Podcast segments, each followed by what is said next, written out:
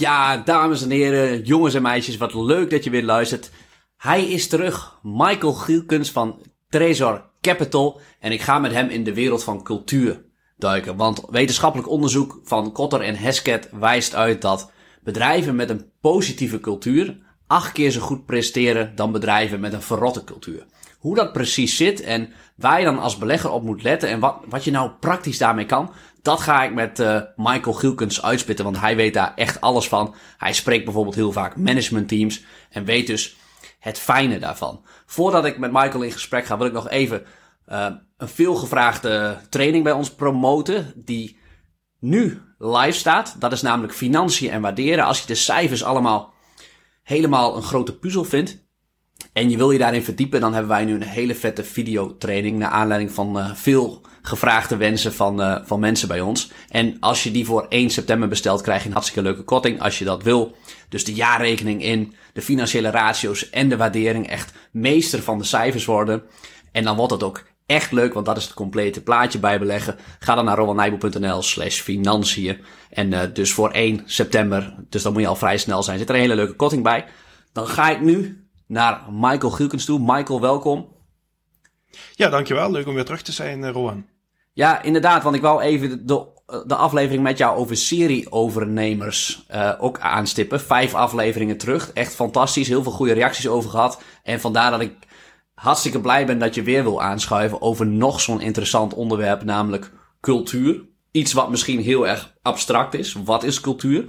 Um, ja, misschien kan ik die vraag eerst aan jou stellen. Wat is volgens jou cultuur en dan ook gerelateerd aan beleggen? Ja, het is een complex vraagstuk meestal. Het is heel abstract wat cultuur is. Hoe, definieer je cultuur? Um, ik denk wel dat je een goed onderscheid kan maken tussen bedrijven met bijvoorbeeld een, een constructieve en een destructieve cultuur. Um, en ik denk dat cultuur eigenlijk een van de uh, voorwaarden is voor, uh, voor succes. volgens mij een paar afleveringen terug had je met uh, Jan Klein Poelhuis de vraag: is het een, is het een moot of, of niet? Um, ik durf die stelling wel aan in die zin, om te zeggen: ja, is het een, is het een concurrentievoordeel, een, een cultuur van een bedrijf? Um, ik denk dat je, dat je uh, bedrijven met een, met een goede performance op de lange termijn, uh, hoog rendement op het geïnvesteerde kapitaal, goede cashflows, bedrijven met een moot, dat daar ook meestal een, een bepaalde bedrijfscultuur aan ten grondslag ligt. En het is heel moeilijk te definiëren wat dat precies is, maar het is wel, als je het, ja, als je het ziet of als je met mensen die bij een bedrijf werken praat of met het management spreekt, dan zijn er wel bepaalde indicatoren die aangeven van, oké, ze weten wel waar ze mee uh, waar ze mee bezig zijn bij het bedrijf. Ik ben heel benieuwd wat die indicatoren zijn. En, en hoe belangrijk, als je het zou moeten kwalificeren, is, is cultuur dan voor jou? En hoe, in hoeverre neem je dat mee in je beleggingen? Nou, het is een van de kwalitatieve uh, of de, de, de, de softe kanten van het, van het beleggen. Um, er wordt heel vaak de focus gelegd op het, op het waarderen en op het kijken naar de balans en naar, de, naar de, uh, het rendement op het geïnvesteerde kapitaal. dat zijn hele belangrijke variabelen, maar de softe kant is ook wel heel belangrijk. Dat je zegt van, zit er iemand met uh, verstand van zaken? Hebben ze uh, de goede bedrijfscultuur? Uh, zit de beloningsstructuur goed in elkaar? En ja, als, als een van de wat moeilijker te kwantificeerbare of niet te kwantificeerbare zaken is cultuur wel een belangrijke variabele. waar herken je goede cultuur aan? Um, of ja, waar herken je een slechte cultuur aan? Misschien ook een hele leuke tegenvraag om dadelijk, om dadelijk te belichten. Um, ik denk een belangrijke voorwaarde voor, of een, een, een teken van een goede cultuur is bijvoorbeeld een, een, een laag personeelsverloop. Een bedrijf met een goede cultuur die weet goede mensen te behouden. En een bedrijf met een wat slechtere cultuur die heeft meer moeite om, laten we zeggen, de mensen die een beetje met hun kop over het maaiveld, uitsteken, om die binnenboord te houden. Dus um, dat is een beetje een zichzelf versterkend mechanisme dat de goede mensen die blijven in de club. En de slechte mensen die worden er eigenlijk uitge, uh, uitge, uh, ja, geduwd als het ware. En een, in een goed bedrijf is dat een zich, zichzelf versterkend mechanisme. Dat je een goede cultuur, uh, dat bijvoorbeeld als er één of twee rotte appels zijn, ja, dan gaan die, die, die, die medewerkers die wel op een constructieve manier willen werken, die duwen die juist eruit. Terwijl als jij een cultuur hebt waar veel uh, cynisme is, waar, waar uh, weinig vertrouwen is voor het personeel. En ja, er zijn mensen die wat in hun mars hebben, die zijn ook de eerste die juist die, die onderneming verlaten. Dus ik denk dat personeelsverloop wel een, wel een belangrijke is. Um, het, het, het innovatievermogen bij ondernemingen met een goede cultuur is vaak hoger. Uh, er is meer flexibiliteit. Hè, dus je kunt sneller meebewegen met, met, met bepaalde ontwikkelingen. Of je sneller aanpassen aan een veranderende uh, marktomgeving. Ik denk dat dat ook een hele, hele belangrijke is. Um, je bent crisisbestendiger. Ik denk dat dat ook wel een belangrijke is om te benoemen. Dus waar herken je dat aan? Um, als je bijvoorbeeld in de coronacrisis kijkt, als jij uh, een groot deel van je personeel ontslaat en je zit in de lockdown en hè, er is geen visibility van krijgen we nog meer, uh, krijgen we nog omzet? Het duurt het misschien wel een paar jaar. Uh, ja, als je dan personeel in dienst hebt, dan kan, dat, kan je dat gaan zien als een vaste kostenpost. Maar als jij een groot deel van het personeel ontslaat, dan kan het er dus juist toe leiden dat je na de coronacrisis uh, moeilijker aan personeel komt. dus je ziet nu heel veel bedrijven die hebben heel veel moeite gehad om aan, uh, aan personeel te komen. En um, bedrijven die personeel in dienst houden, die ze uh, vertrouwen geven, die het personeel um, bijvoorbeeld ja, creatief ermee omgaan om mensen anders in te zetten, bijvoorbeeld. Um, dan kan je die mensen toch voor je bedrijf behouden blijven. En dan ben je dus ook, heb je dus ook niet het probleem als het dan wel weer economisch goed gaat, dat je met een tekort aan personeel zit. Een heel mooi voorbeeld voor uh, een paar weken terug had Alberts de, uh, de conference call van de, van de halfjaarcijfers. En we hebben vorige keer ook over Alberts gehad als een serial acquirer.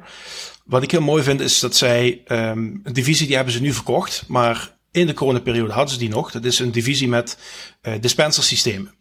Dus denk aan tapinstallaties voor in de horeca. Nou ja, dat is natuurlijk een, een divisie die uh, heel weinig visibility nog had voor omzet. Want ondernemers hadden weinig, horecaondernemers hebben geen geld of weinig geld om, om te investeren. Hè? Als jij komende jaar, twee jaar, misschien wel drie jaar de tent dicht moet gooien, dan ga je niet een, eh, een, hele, nieuwe, een hele nieuwe installatie kopen. Um, nou, in plaats van te zeggen, ja, we hebben dus de komende jaren geen omzet, we gooien het personeel eruit en we kijken over twee jaar wel weer hoe het gaat, heeft Abels gezegd, nee, we gaan dispensertechnologie gebruiken, bestaande technologie, om bijvoorbeeld uh, desinfectiesystemen uh, te ontwikkelen. Dus om je, om je handen daar zeg maar uh, dra of ja, contactloos je handen erin te steken. En die systemen die hebben ze in heel veel gebouwen nu weten te, weten te plaatsen. musea en overheidsgebouwen en noem ze maar op.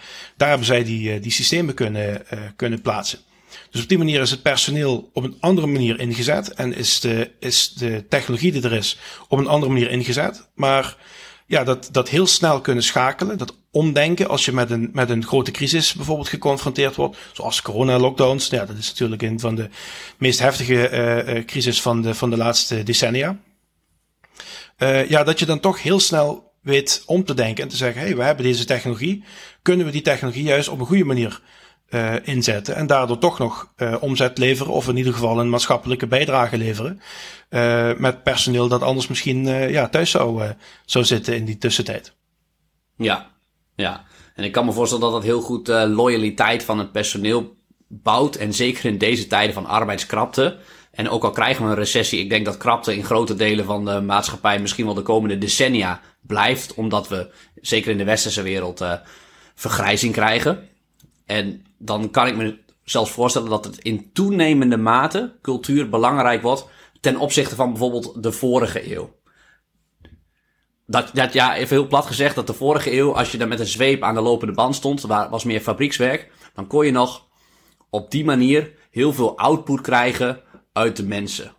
Alleen, ja, dat werkt niet meer. Je zult, uh, je, zult je personeel echt, uh, echt goed moeten verzorgen. En uh, dat ze voor je gaan vliegen. En dat op eigen kracht doen. En zeker de creativiteit die je bij mensen wil aanboren. Ja, dat, dat vergt een veilige, een open omgeving. Eigenlijk precies wat jij aangeeft. Ja, het, is een heel belangrijk voorbeeld voor, um, voor, het, voor rendement op lange termijn. Je haalde net Cotter en Haskell aan. Als je gaat kijken op welke termijn is, uh, is cultuur een, op welke cultuur, of, sorry, op welke termijn gaat cultuur een rol spelen? Um, kijk, op hele korte termijn is uh, puur een sentiment, liquiditeit, fundflows. Um, dat zeggen ze op het termijn van een, een, een of twee kwartalen. Maar als je wat verder gaat kijken, op zeggen ze termijn van drie, vier kwartalen, is het vooral een verandering van de, van de multiple. Hè? Dus hoeveel de koers-winstverhouding of de koers-cashflow verhouding. Ga je kijken al wat langer uit, zeggen ze een jaar of drie tot vijf, dan is het meer hoe doet de hele industrie het? Of zit je in de economische cyclus? Maar op vijf tot tien jaar is het rendement op het kapitaal. En langer dan tien jaar is het vooral cultuur die, uh, die het rendement bepaalt. En als jij vijf jaar een heel mooi rendement op het geïnvesteerde kapitaal hebt, maar ja, op een gegeven moment verandert bijvoorbeeld het management, of uh, er, is een, er is een externe factor die het verandert, uh, dan, is het, dan is het afhankelijk van de bedrijfscultuur of jij toch op een, op een goede manier die switch kan maken. En op een termijn van ja, 10 plus jaar is het dus echt de mensen, de, de, de cultuur van die bedrijven die een rol speelt. En wat ook ja, een van de indicatoren bijvoorbeeld is, is hoe lang zit het management al bij het bedrijf? Of, of hoe is het, sorry, hoe is het personeelsverloop bij het bedrijf? Uh, bijvoorbeeld, uh, Markel hebben we vorige keer aangehaald. Ja, Tom Gaynor zit al 30 jaar bij Markel. Uh, dat geeft mij wel vertrouwen dat er een, dat er een goede cultuur is. Markel is ook nog een familiebedrijf. Um, dus je hebt de derde generatie Markel. Met, met, met twee neven en, en, en, en, een, en een schoonbroer. En op een gegeven moment hebben ze uh, een, een, broekje erbij gehaald uh, die bij een verzekerings- uh, of een, bij, een, bij een beleggingshuis werkte. Ja, en op een gegeven moment zeiden ze, ja, wil jij voor onze beleggingen gaan doen? Ja, dat was ongeveer 1990. En we zijn nu 32 jaar verder. En hij is inmiddels co-CEO en vanaf volgens mij volgend jaar wordt hij, wordt hij CEO. De, de co-CEO Richie Witt gaat ermee stoppen. Uh, die ook vanaf uh, jaren negentig bij, bij Markel zit. Maar ook bijvoorbeeld mensen die daar dan vlak onder zitten. Hè, nog steeds wel belangrijk directie of, of tegen de directie aan. Ja, die zitten al 15 jaar bij Markel. Dus als jij een bedrijf hebt dat een, een cultuur kan creëren met een focus op de lange termijn, uh, open en transparantie, een cultuur waarmee mensen uh, empowered worden. Hè? Dus een, een, een, decentrale bedrijfscultuur. Daar hebben we het vorige keer met de serial acquirers over gehad. Um, dat, ja, je koopt een bedrijf, maar je laat, de directie laat je eigenlijk zitten. Want uh, Buffett zegt bijvoorbeeld, ja, ik heb geen idee hoe je met, hoe ik snoepjes moet verkopen. dus laat ik vooral dat aan de mensen van Seas Candies over. Maar ik weet wel dat Seas Candies een heel goed bedrijf is en dat daar goede mensen zitten. Dus runnen jullie vooral dat bedrijf. Ik ga me er niet tegenaan bemoeien. Maar um, ja, je weet wel van tevoren dat, het, dat er de bedrijfscultuur bij Seas Candies dusdanig is dat ze, en, de, en de, het rendement op de investeringen en de moot, hè, al, die, al die factoren, dat die aanwezig zijn. Dus je weet dat er een, een gerede kans tot succes is. Ja, ja.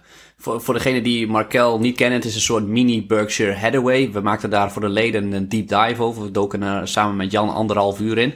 En inderdaad, die, die lange termijn perspectief. Want we doen ook aankomende week komt TSMC online. En ik keek in het jaarverslag van uh, ja, misschien wel het machtigste bedrijf. En in ieder geval de grootste klant van ASML. Uh, de Taiwanese TSMC. Heel actueel met alle spanning in de wereld. maar daar deden we ook een deep dive over. En toen ik in het jaarverslag zag ik de, de management board, dus de raad van bestuur. 15 personen. En het groentje die er als laatste bij kwam, was 2016. Dus de rest zit er eigenlijk al ja, vanaf, dat zijn livers. Die werken daar hun hele leven en zijn langzaam op, opgeleid tot de raad van bestuur. Die kennen het bedrijf door en door. En dat, ja, volgens mij wat jij een beetje zegt hiermee met deze voorbeeld die jij ook noemt, is, ja, je kan als belegger zelf ook zo makkelijk meesurfen op het levenswerk van zo iemand. Die daar echt met zijn hart en ziel voor gaat. En, um, dit is misschien ook een vraag, maar dit is een beetje mijn interpretatie. Um, als iemand dus daar zo lang zit, dan is het ook automatisch het levenswerk van diegene. En dat straalt natuurlijk af op de hele organisatie. Ja, ja dat is de, de, de ja, hoe noem je dat, de toon at de top, eh, om een, even een, eh, een, uh, buzzwordje te gebruiken. Um, als iemand daar zit en het is een, een ondernemer bijvoorbeeld, of het is iemand die het bedrijf uit het niets heeft opgebouwd.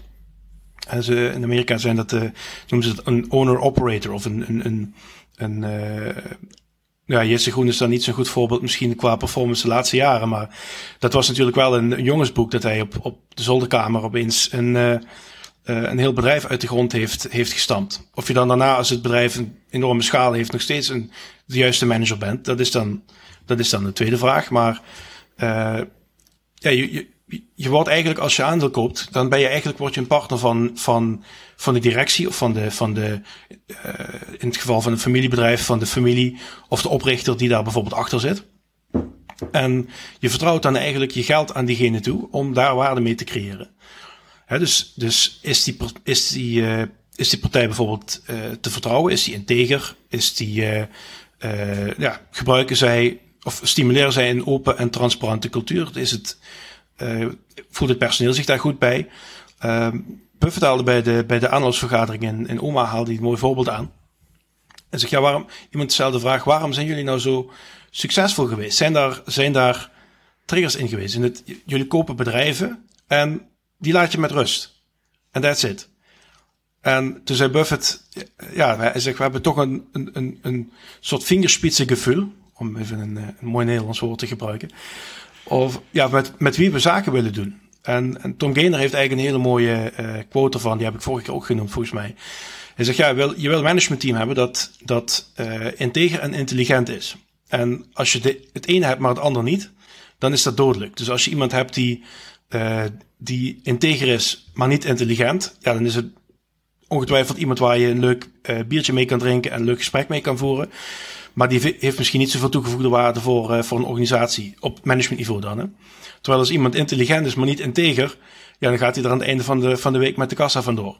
Dus daar wil je ook, uh, daar wil je ook geen, uh, geen, geen zaken mee doen. Dus die twee factoren zijn dan wel van belang voor het, voor het, ja, het, creëren van, het creëren van waarde. En um, ja, hoe, hoe kan je dat dan als, als buitenstaander, kan je dat inschatten? Dat is moeilijk om te zeggen, want ja, je zult toch zeker een bedrijf wel minimaal een jaar of twee moeten volgen voordat je daar een beetje feeling mee hebt.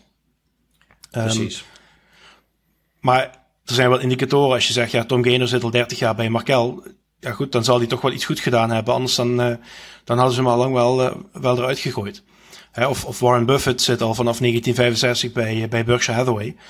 Um, ja, dan zal hij toch wel iets goed hebben gedaan. En het is niet alleen maar een, een, een indicator, want uh, de topman van Philips is deze week uh, vervroegd, is aangekondigd dat hij gaat, uh, gaat aftreden. Ik, ik, las in het FD deze week dat het de langzittende CEO was bij, bij Philips. Dus het hoeft niet altijd een indicator te zijn van, van een goede cultuur of een, een, een goed ja, vertrouwen, zeg maar. Maar het is wel een van, de, een van de factoren die daar een rol bij speelt.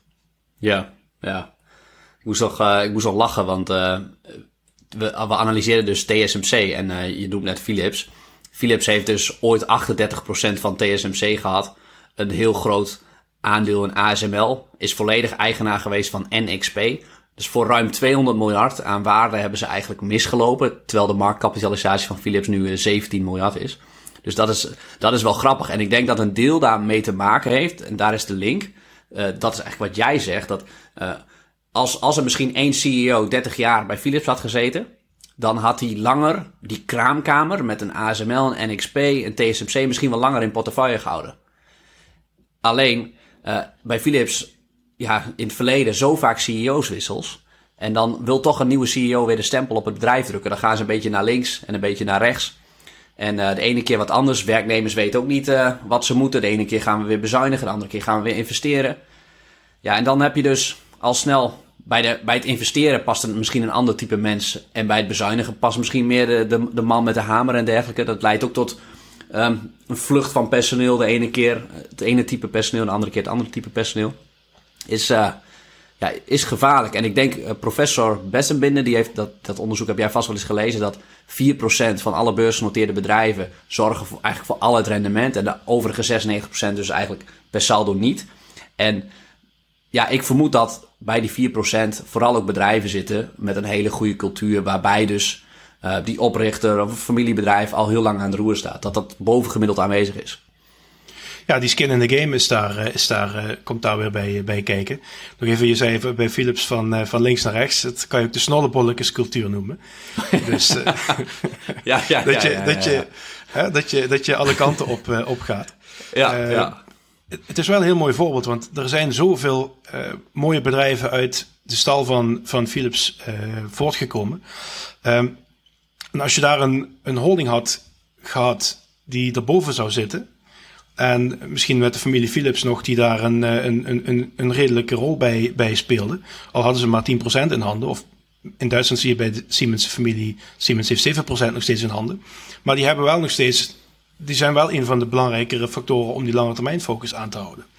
En uh, bij Philips was het zo, ja, werd meer aangestuurd van top-down. Dus onder de stal van, van, de, van de directie van Philips had eh, ASML of NXP zich niet zo kunnen ontwikkelen, misschien zoals het zich uh, uiteindelijk ontwikkeld heeft.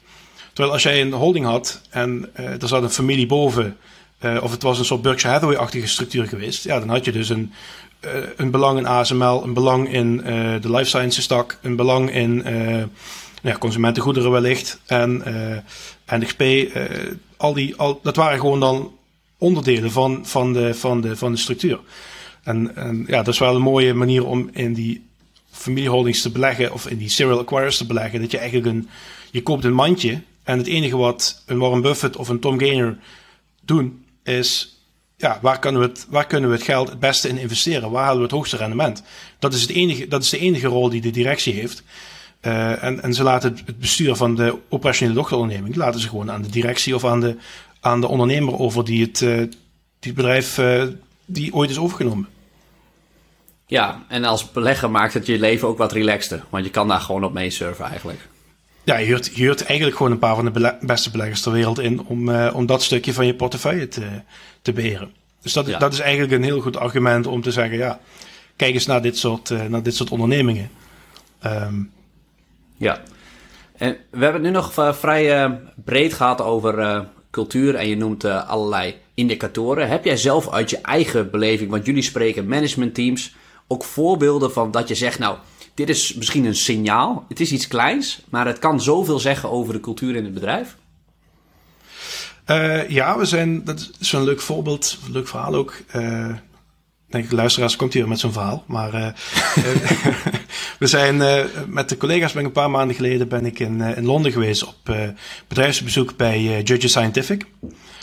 dat is een bedrijf dat zich specialiseert in het overnemen van uh, ja, bedrijf actief in de wetenschappelijke meetinstrumenten sector. Dus een, hele hoge marge en een, een, een, hele hoge moot. Het zijn echt allemaal niche-bedrijfjes. En ze hebben er nu al twintig gekocht sinds 2006. En uh, David Siekerel is de oprichter en groot aandeelhouder. En um, wij hebben dus met hem een afspraak gehad. En ja, we hadden wel eens een keer een gesprek met hem gehad, telefonisch natuurlijk, een conference call, maar waren nog niet bij Judges op het hoofdkantoor op bezoek geweest. Ja, dan kom je in Londen in een, in een beetje bescheiden, eh, bescheiden wijk. Uh, kom je dan aan. En uh, een beetje achteraf kantoortje. Dus ze hebben niet de hoofdprijs betalen ze voor het, voor het kantoor. En dan bel je aan en David Ziekeraan doet de deur open. Ja, jongens, sorry, de, onze, onze office manager slash dame van de boekhouding, die is er, die is er momenteel niet. dus kan ik voor jullie, kan ik jullie iets aanbieden? Nou, dan zie je opeens dat daar een, eh, een, een multimiljonair die uh, al uh, jarenlang succesvol is met het bedrijf, een rendement van 29% per jaar sinds de beursgang heeft gemaakt, die staat voor je de koffie in te schenken. Wil je er nog melk bij? En, en ja, dan wordt opeens zo'n zo'n succesvolle ondernemer wordt opeens heel klein en is, is ja, niet te groot om, om even een kopje koffie aan te bieden en, en is ook heel bescheiden. bijvoorbeeld ik zeg, jullie zijn zo succesvol. Wat is nou de bron van dat succes? Ja, hij zegt, het ligt volledig aan de medewerkers. Doordat wij goede medewerkers hebben die uh, innovatief zijn, die op een goede manier uh, contact hebben met de eindmarkt en met de klanten. Waar is behoefte aan? Uh, kunnen zij de juiste innovaties doen en kunnen wij structureel uh, ja, die mooie autonome groei van 9% per jaar op langere termijn en een uh, omzetgroei volgens mij van boven de 20% per jaar. Door de overnames die ze doen, kunnen wij, kunnen wij structureel volhouden. Dat vond ik wel een hele mooie indicator. Dat je zegt van zo'n, zo'n, ja, het is een, het is een Franse Brit. Een beetje een, een excentrieke, een excentrieke kerel. Um, ja, je zou, je zou best verwachten dan dat daar, weet ik het, drie secretaressen zitten die voor hem alles uit handen nemen. Nee, hij, hij, hij doet het gewoon, hij doet het gewoon allemaal, allemaal zelf. Ja. Dus uh, dat, dat vond ik wel een mooi, mooi voorbeeld. En uh, ook tijdens, uh, dat is ook een mooi voorbeeld, tijdens de coronacrisis um, hebben ze geen ontslagrondes doorgevoerd. Dus ze zeggen, ja, die mensen die hebben we achteraf gewoon weer, weer nodig. Dus ze, stimuleren echt die ondernemende bedrijfscultuur. En zie je tijdens en na die coronacrisis, zie je dat mensen echt voor je door het vuur gaan. En uh, proberen te innoveren, proberen toch op een manier uh, die meetinstrumenten aan de, aan de man te krijgen. Uh, hè, die gaan normaal gaan ze naar congressen toe en dan verkopen ze het daar. Ja, dat kon nu niet. Dus ja, ze hebben een heel digitaal verkoopkanaal opgezet. Uh, allemaal ja, vanuit de grond af aan opgebouwd. En ja. ja het, het, is allemaal decentraal, want ze hebben maar drie tot vijf man op het hoofdkantoor zitten. En um, ja, dat is, dat is een hele mooie, ja, ik vind dat een hele mooie casus. Want als ondernemer ben je bijvoorbeeld misschien wat voorzichtiger. Hè? Je denkt van, hé, hey, ik heb de kredietcrisis meegemaakt. Ik heb de, uh, de, de, de Europese schuldencrisis meegemaakt. We hebben, we hebben corona gehad. En dan zie je dat ondernemers vaak toch voorzichtig zijn met het investeren bijvoorbeeld in, uh, in onderzoek en ontwikkeling. Dus uh, David zegt dan, ja, 2 tot 3 procent ongeveer van de omzet investeren zij in onderzoek en ontwikkeling.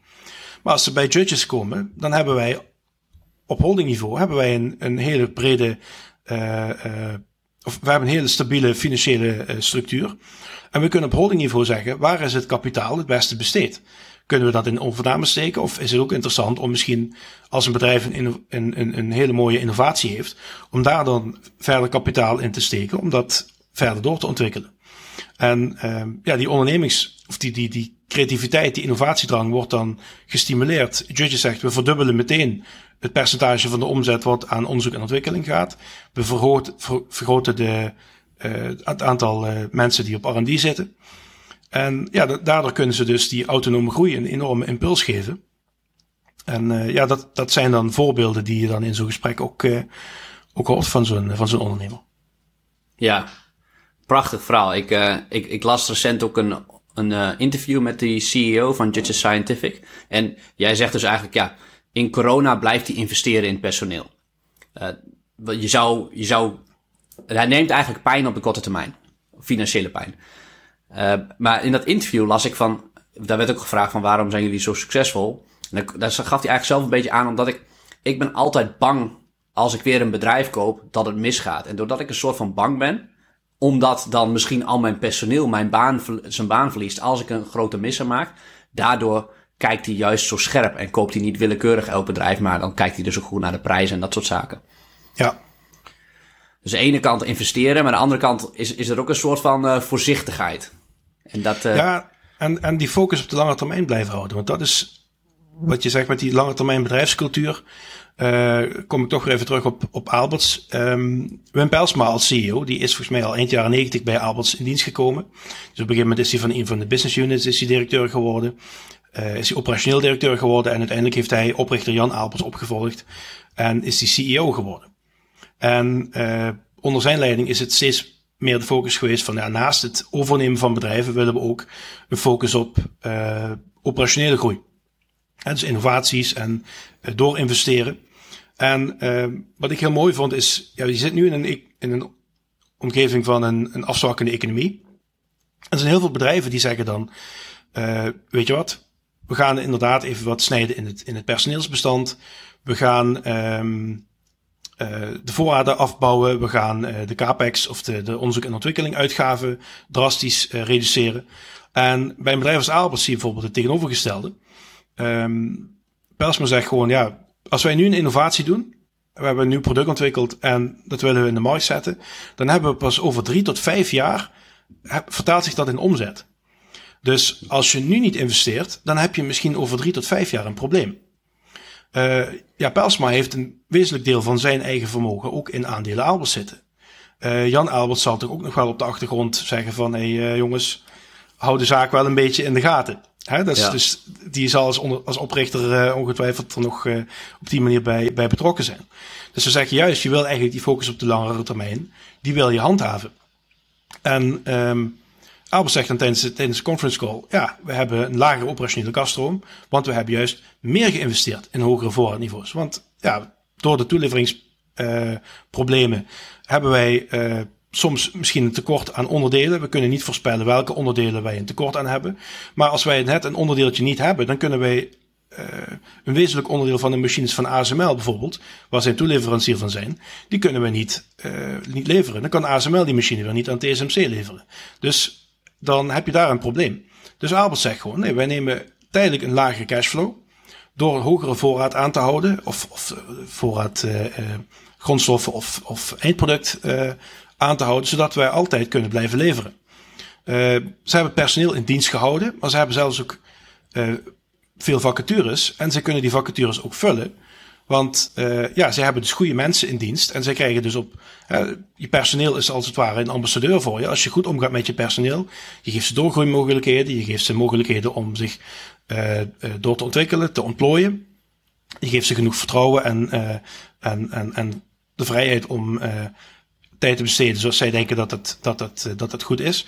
Dan gaat het personeel ook voor jou misschien wel op zoek naar ander personeel. Of die laten goede reviews achter op sites als Glassdoor of zo. Waardoor een, waardoor een ingenieur denkt, hey, dat is een interessant bedrijf, misschien moet ik daar ook gaan, uh, gaan werken. Dat is hè, dat zichzelf versterkende effect.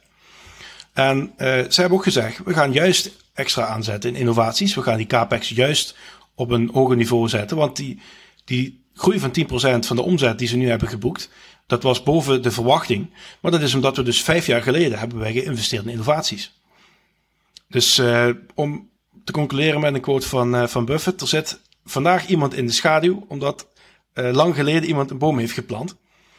Uh, ja, je hebt, hem, uh, je hebt hem daar staan. Dus ik vond het wel een, ik vond het wel een toepasselijke om, om, om nog even te noemen. Ja, ja zo, is het, zo is het denk ik wel. En mooi. Ik heb het boek Investing Between the Lines gekeken. Dat je dan in het jaarverslag kan zien aan welke taal het bedrijf gebruikt. of het goede rendementen gaat laten zien. Dat is natuurlijk uh, op, op, op een wetenschappelijk niveau, dus die kan het niet op individuele basis uh, stellen. Maar als ik dan uh, Pelsma van Alberts in een conference call hoor praten, denk ik wel, dat is een waarheidsverteller. Het is een waarheidsverteller. En ik, mijn gevoel zegt dat, ik, ik vind het in ieder geval persoonlijk heel erg belangrijk. Ik had de heel lang, heel veel jaar geleden had ik aandelen via Chrysler en daar was Marcione CEO. En die, als een analist een, vraag, een ja of nee vraag stelt, geeft hij gewoon met ja en nee antwoord. En dan had je General Motors met uh, uh, Barra, de CEO, volgens mij zit ze er nog steeds. Um, die dan uh, een A4'tje eigenlijk op dezelfde vraag eigenlijk antwoord geeft. En terwijl de vraag eigenlijk heel duidelijk was. Is dat voor jou, speelt dat ook mee? Op welke manier ze antwoord geven en hoe duidelijk ze in hun taalgebruik zijn?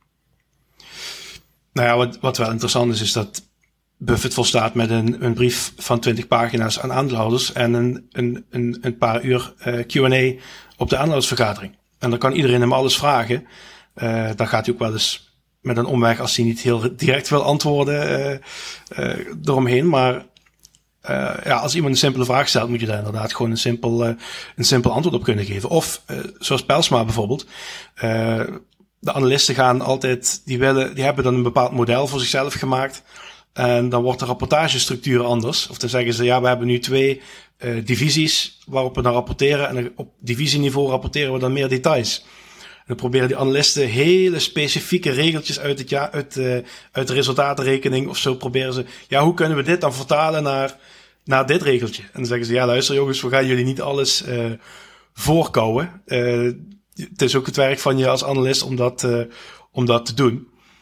Maar ja, als je heel omslachtig antwoord geeft op een, op een simpele vraag, um, ja, wil je dan, ja, wil je dan iets verbergen? Wil je dan iets, iets, dat is wel een, dat kan wel een indicator zijn dat je zegt van, waarom kan iemand niet gewoon duidelijk zijn? En Marchione was gewoon heel, heel rukzichtloos, um, wat dat betreft. En, en ja, heeft, heeft, heeft, uh, eigenlijk was een schot in de roos van, van Elkan dat hij, uh, dat hem aanstelde bij, uh, bij Fiat. En op het moment dat zij die, die cijfers of die, die plannen aankondigden, ging de koerskeer omlaag. Omdat iedereen zei, ja, dit, uh, dit slaat nergens op en dit gaan jullie toch niet, uh, niet waarmaken. Dus uh, dat werd eerst als een luchtfietser beschouwd en later werd het als een, een truth teller gezien. Ja, ja. Dus dat is wel een mooi, een mooi voorbeeld van een goede ondernemer. Helaas is hij er niet meer. Helaas overleden, ja. ja. Um,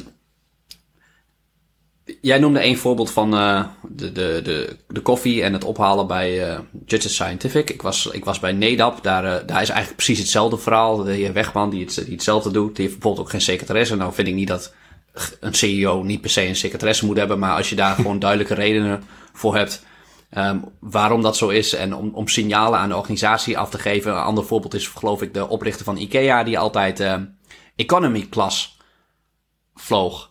En in het verlengde daarvan, als je het hebt over rode vlaggen, is dan een, uh, een privéjet Hoe, hoe sta je daarin voor het bedrijf? um, het, het, het is wel een, uh, het is wel een, uh, een voorbeeld, ja. We hebben het vorige keer ook over, over Constellation Software gehad. En Mark Leonard heeft in een van zijn aanloudsbrieven gezegd... ik, ik vlieg eigenlijk altijd economy. Maar ja, nu ik op, op een bepaalde leeftijd kom... ja, hij wil het goede voorbeeld geven voor het personeel. Maar nu ik op een bepaalde leeftijd kom, permitteer ik het mij toch dat ik wat vaker voor in het vliegtuig zit. Maar dat, doet, dat betaal ik dan wel uit eigen zak. En, uh, want hij is iets van twee meter groot of zo. En heeft een, een soort Gandalf baard, dus het is wel een mooie figuur. Ja. Maar hij geeft er wel een signaal mee af. En als jij... Maar ja, goed, kijk, Buffett heeft ook een privéjet. En zegt gewoon, ja, als ik een, als ik een, uh, op vrijdag word gebeld en iemand zegt, ja, er is een deal, en, maar ja, dat geldt misschien maar 24 uur. Ja, dan stapt Buffett in het vliegtuig en dan heeft hij een privéjet voor en dan staat hij... Uh, is hij binnen recordtijd is hij bij, eh, bij, bij het bedrijf. Of, of, of andersom, dat uh, mensen van Occidental Petroleum gingen naar, vlogen naar Omaha. En binnen, binnen twee uur was er een deal beklonken voor, voor 10 miljard in, in preferente aandelen. Kijk, als het om dat soort bedragen gaat, dan, is, dan kan snelheid wel, wel van belang zijn. Maar ik heb ook een voorbeeld gehad, was een, was een bedrijf waar wij een tijdje geleden in, in belegd. En daar werd het, dat was een oud, ja, een, een, een semi-staatsbedrijf. Um, en uh, daar, daar werden directie en, en commissarissen werden nog in, uh, in limousines rondgereden. Ja, dat is wel een enorme rode vlag die dan, die dan afgaat. Dat je zegt van ja, hoeveel, ja, hoe moet je zeggen, hoeveel verspilling zit er in die organisatie?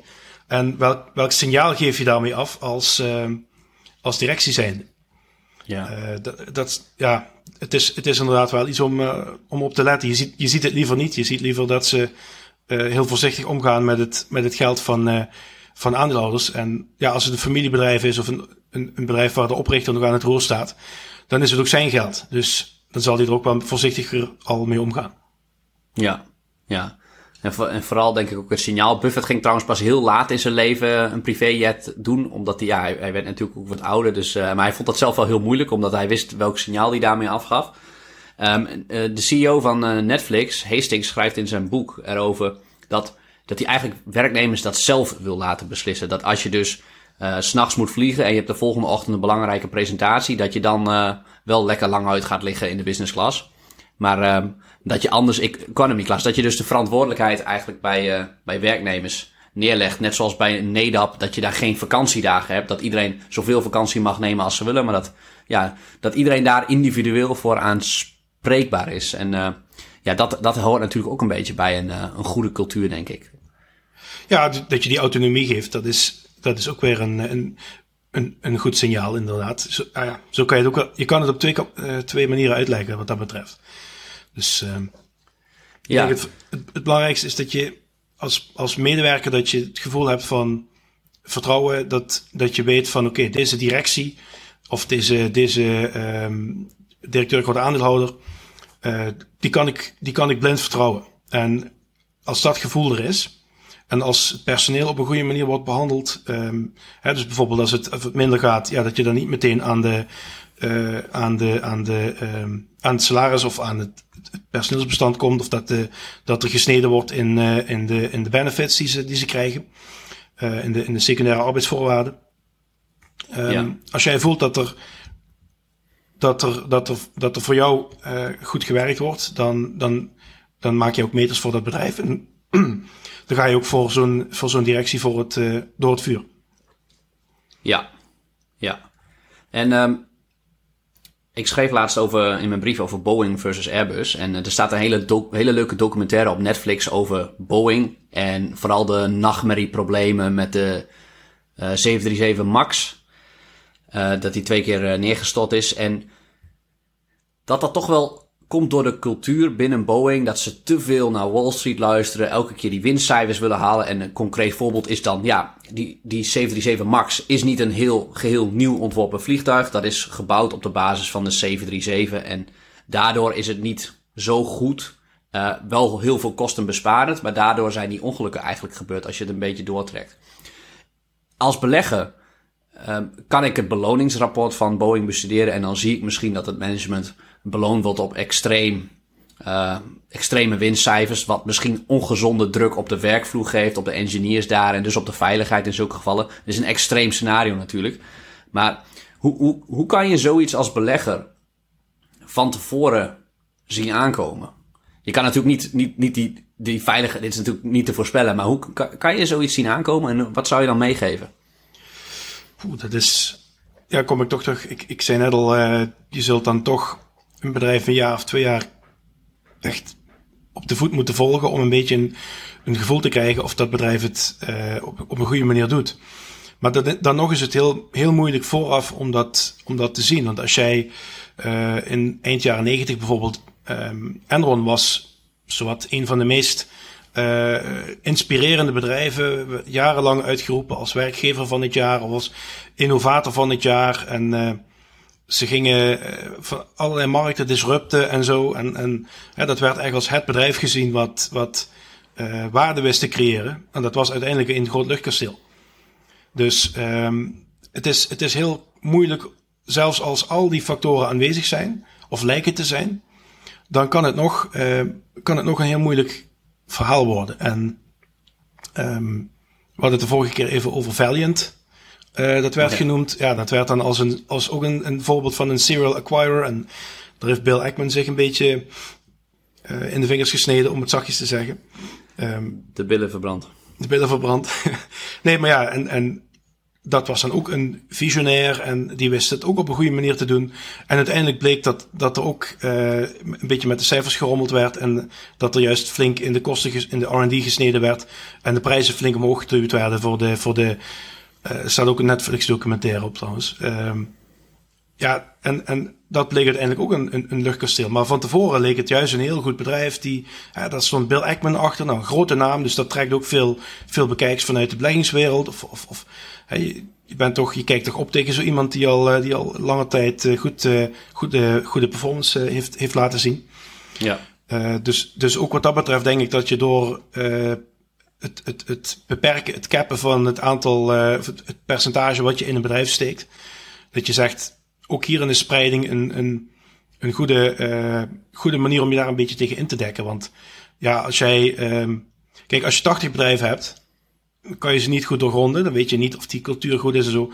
Maar als jij vijf bedrijven hebt, dat is weer een ander uiterste. Als je zegt, ik, ik stop uh, de helft van mijn vermogen in één, in één onderneming. Omdat je zo'n goed gevoel erbij hebt. Ja, laat het dan net een keer een Enron zijn. Kijk, niemand heeft de waarheid in pacht. En zeker niet als je zegt, je gaat uh, actief beleggen. Ja, dan, dan is het wel verstandig om daarin een beetje jezelf te beschermen tegen ja, het feit dat je het misschien een fout hebt. Ja, ja. Bescheidenheid. Bescheidenheid, ja, kom je weer terug. Kom je weer terug bij David Siekerel. ja, ja. Oké, dan, zijn we, dan zijn we denk ik rond. Uh, Michael Gukers, heb je nog een, uh, een afsluiter of uh, iets wat je nog mee wil geven dat je denkt als het gaat over cultuur, dit moeten de luisteraars echt weten? Nou, wat, wat wel leuk is, is um, je hebt een onderzoek, heb, ik, heb ik gelezen van de Forbes 100 Best Companies to Work For. Als je zegt, hoe vertaalt cultuur zich nou aan rendement? Um, en de 100 beste bedrijven, dat zijn dan beursgenoteerde bedrijven.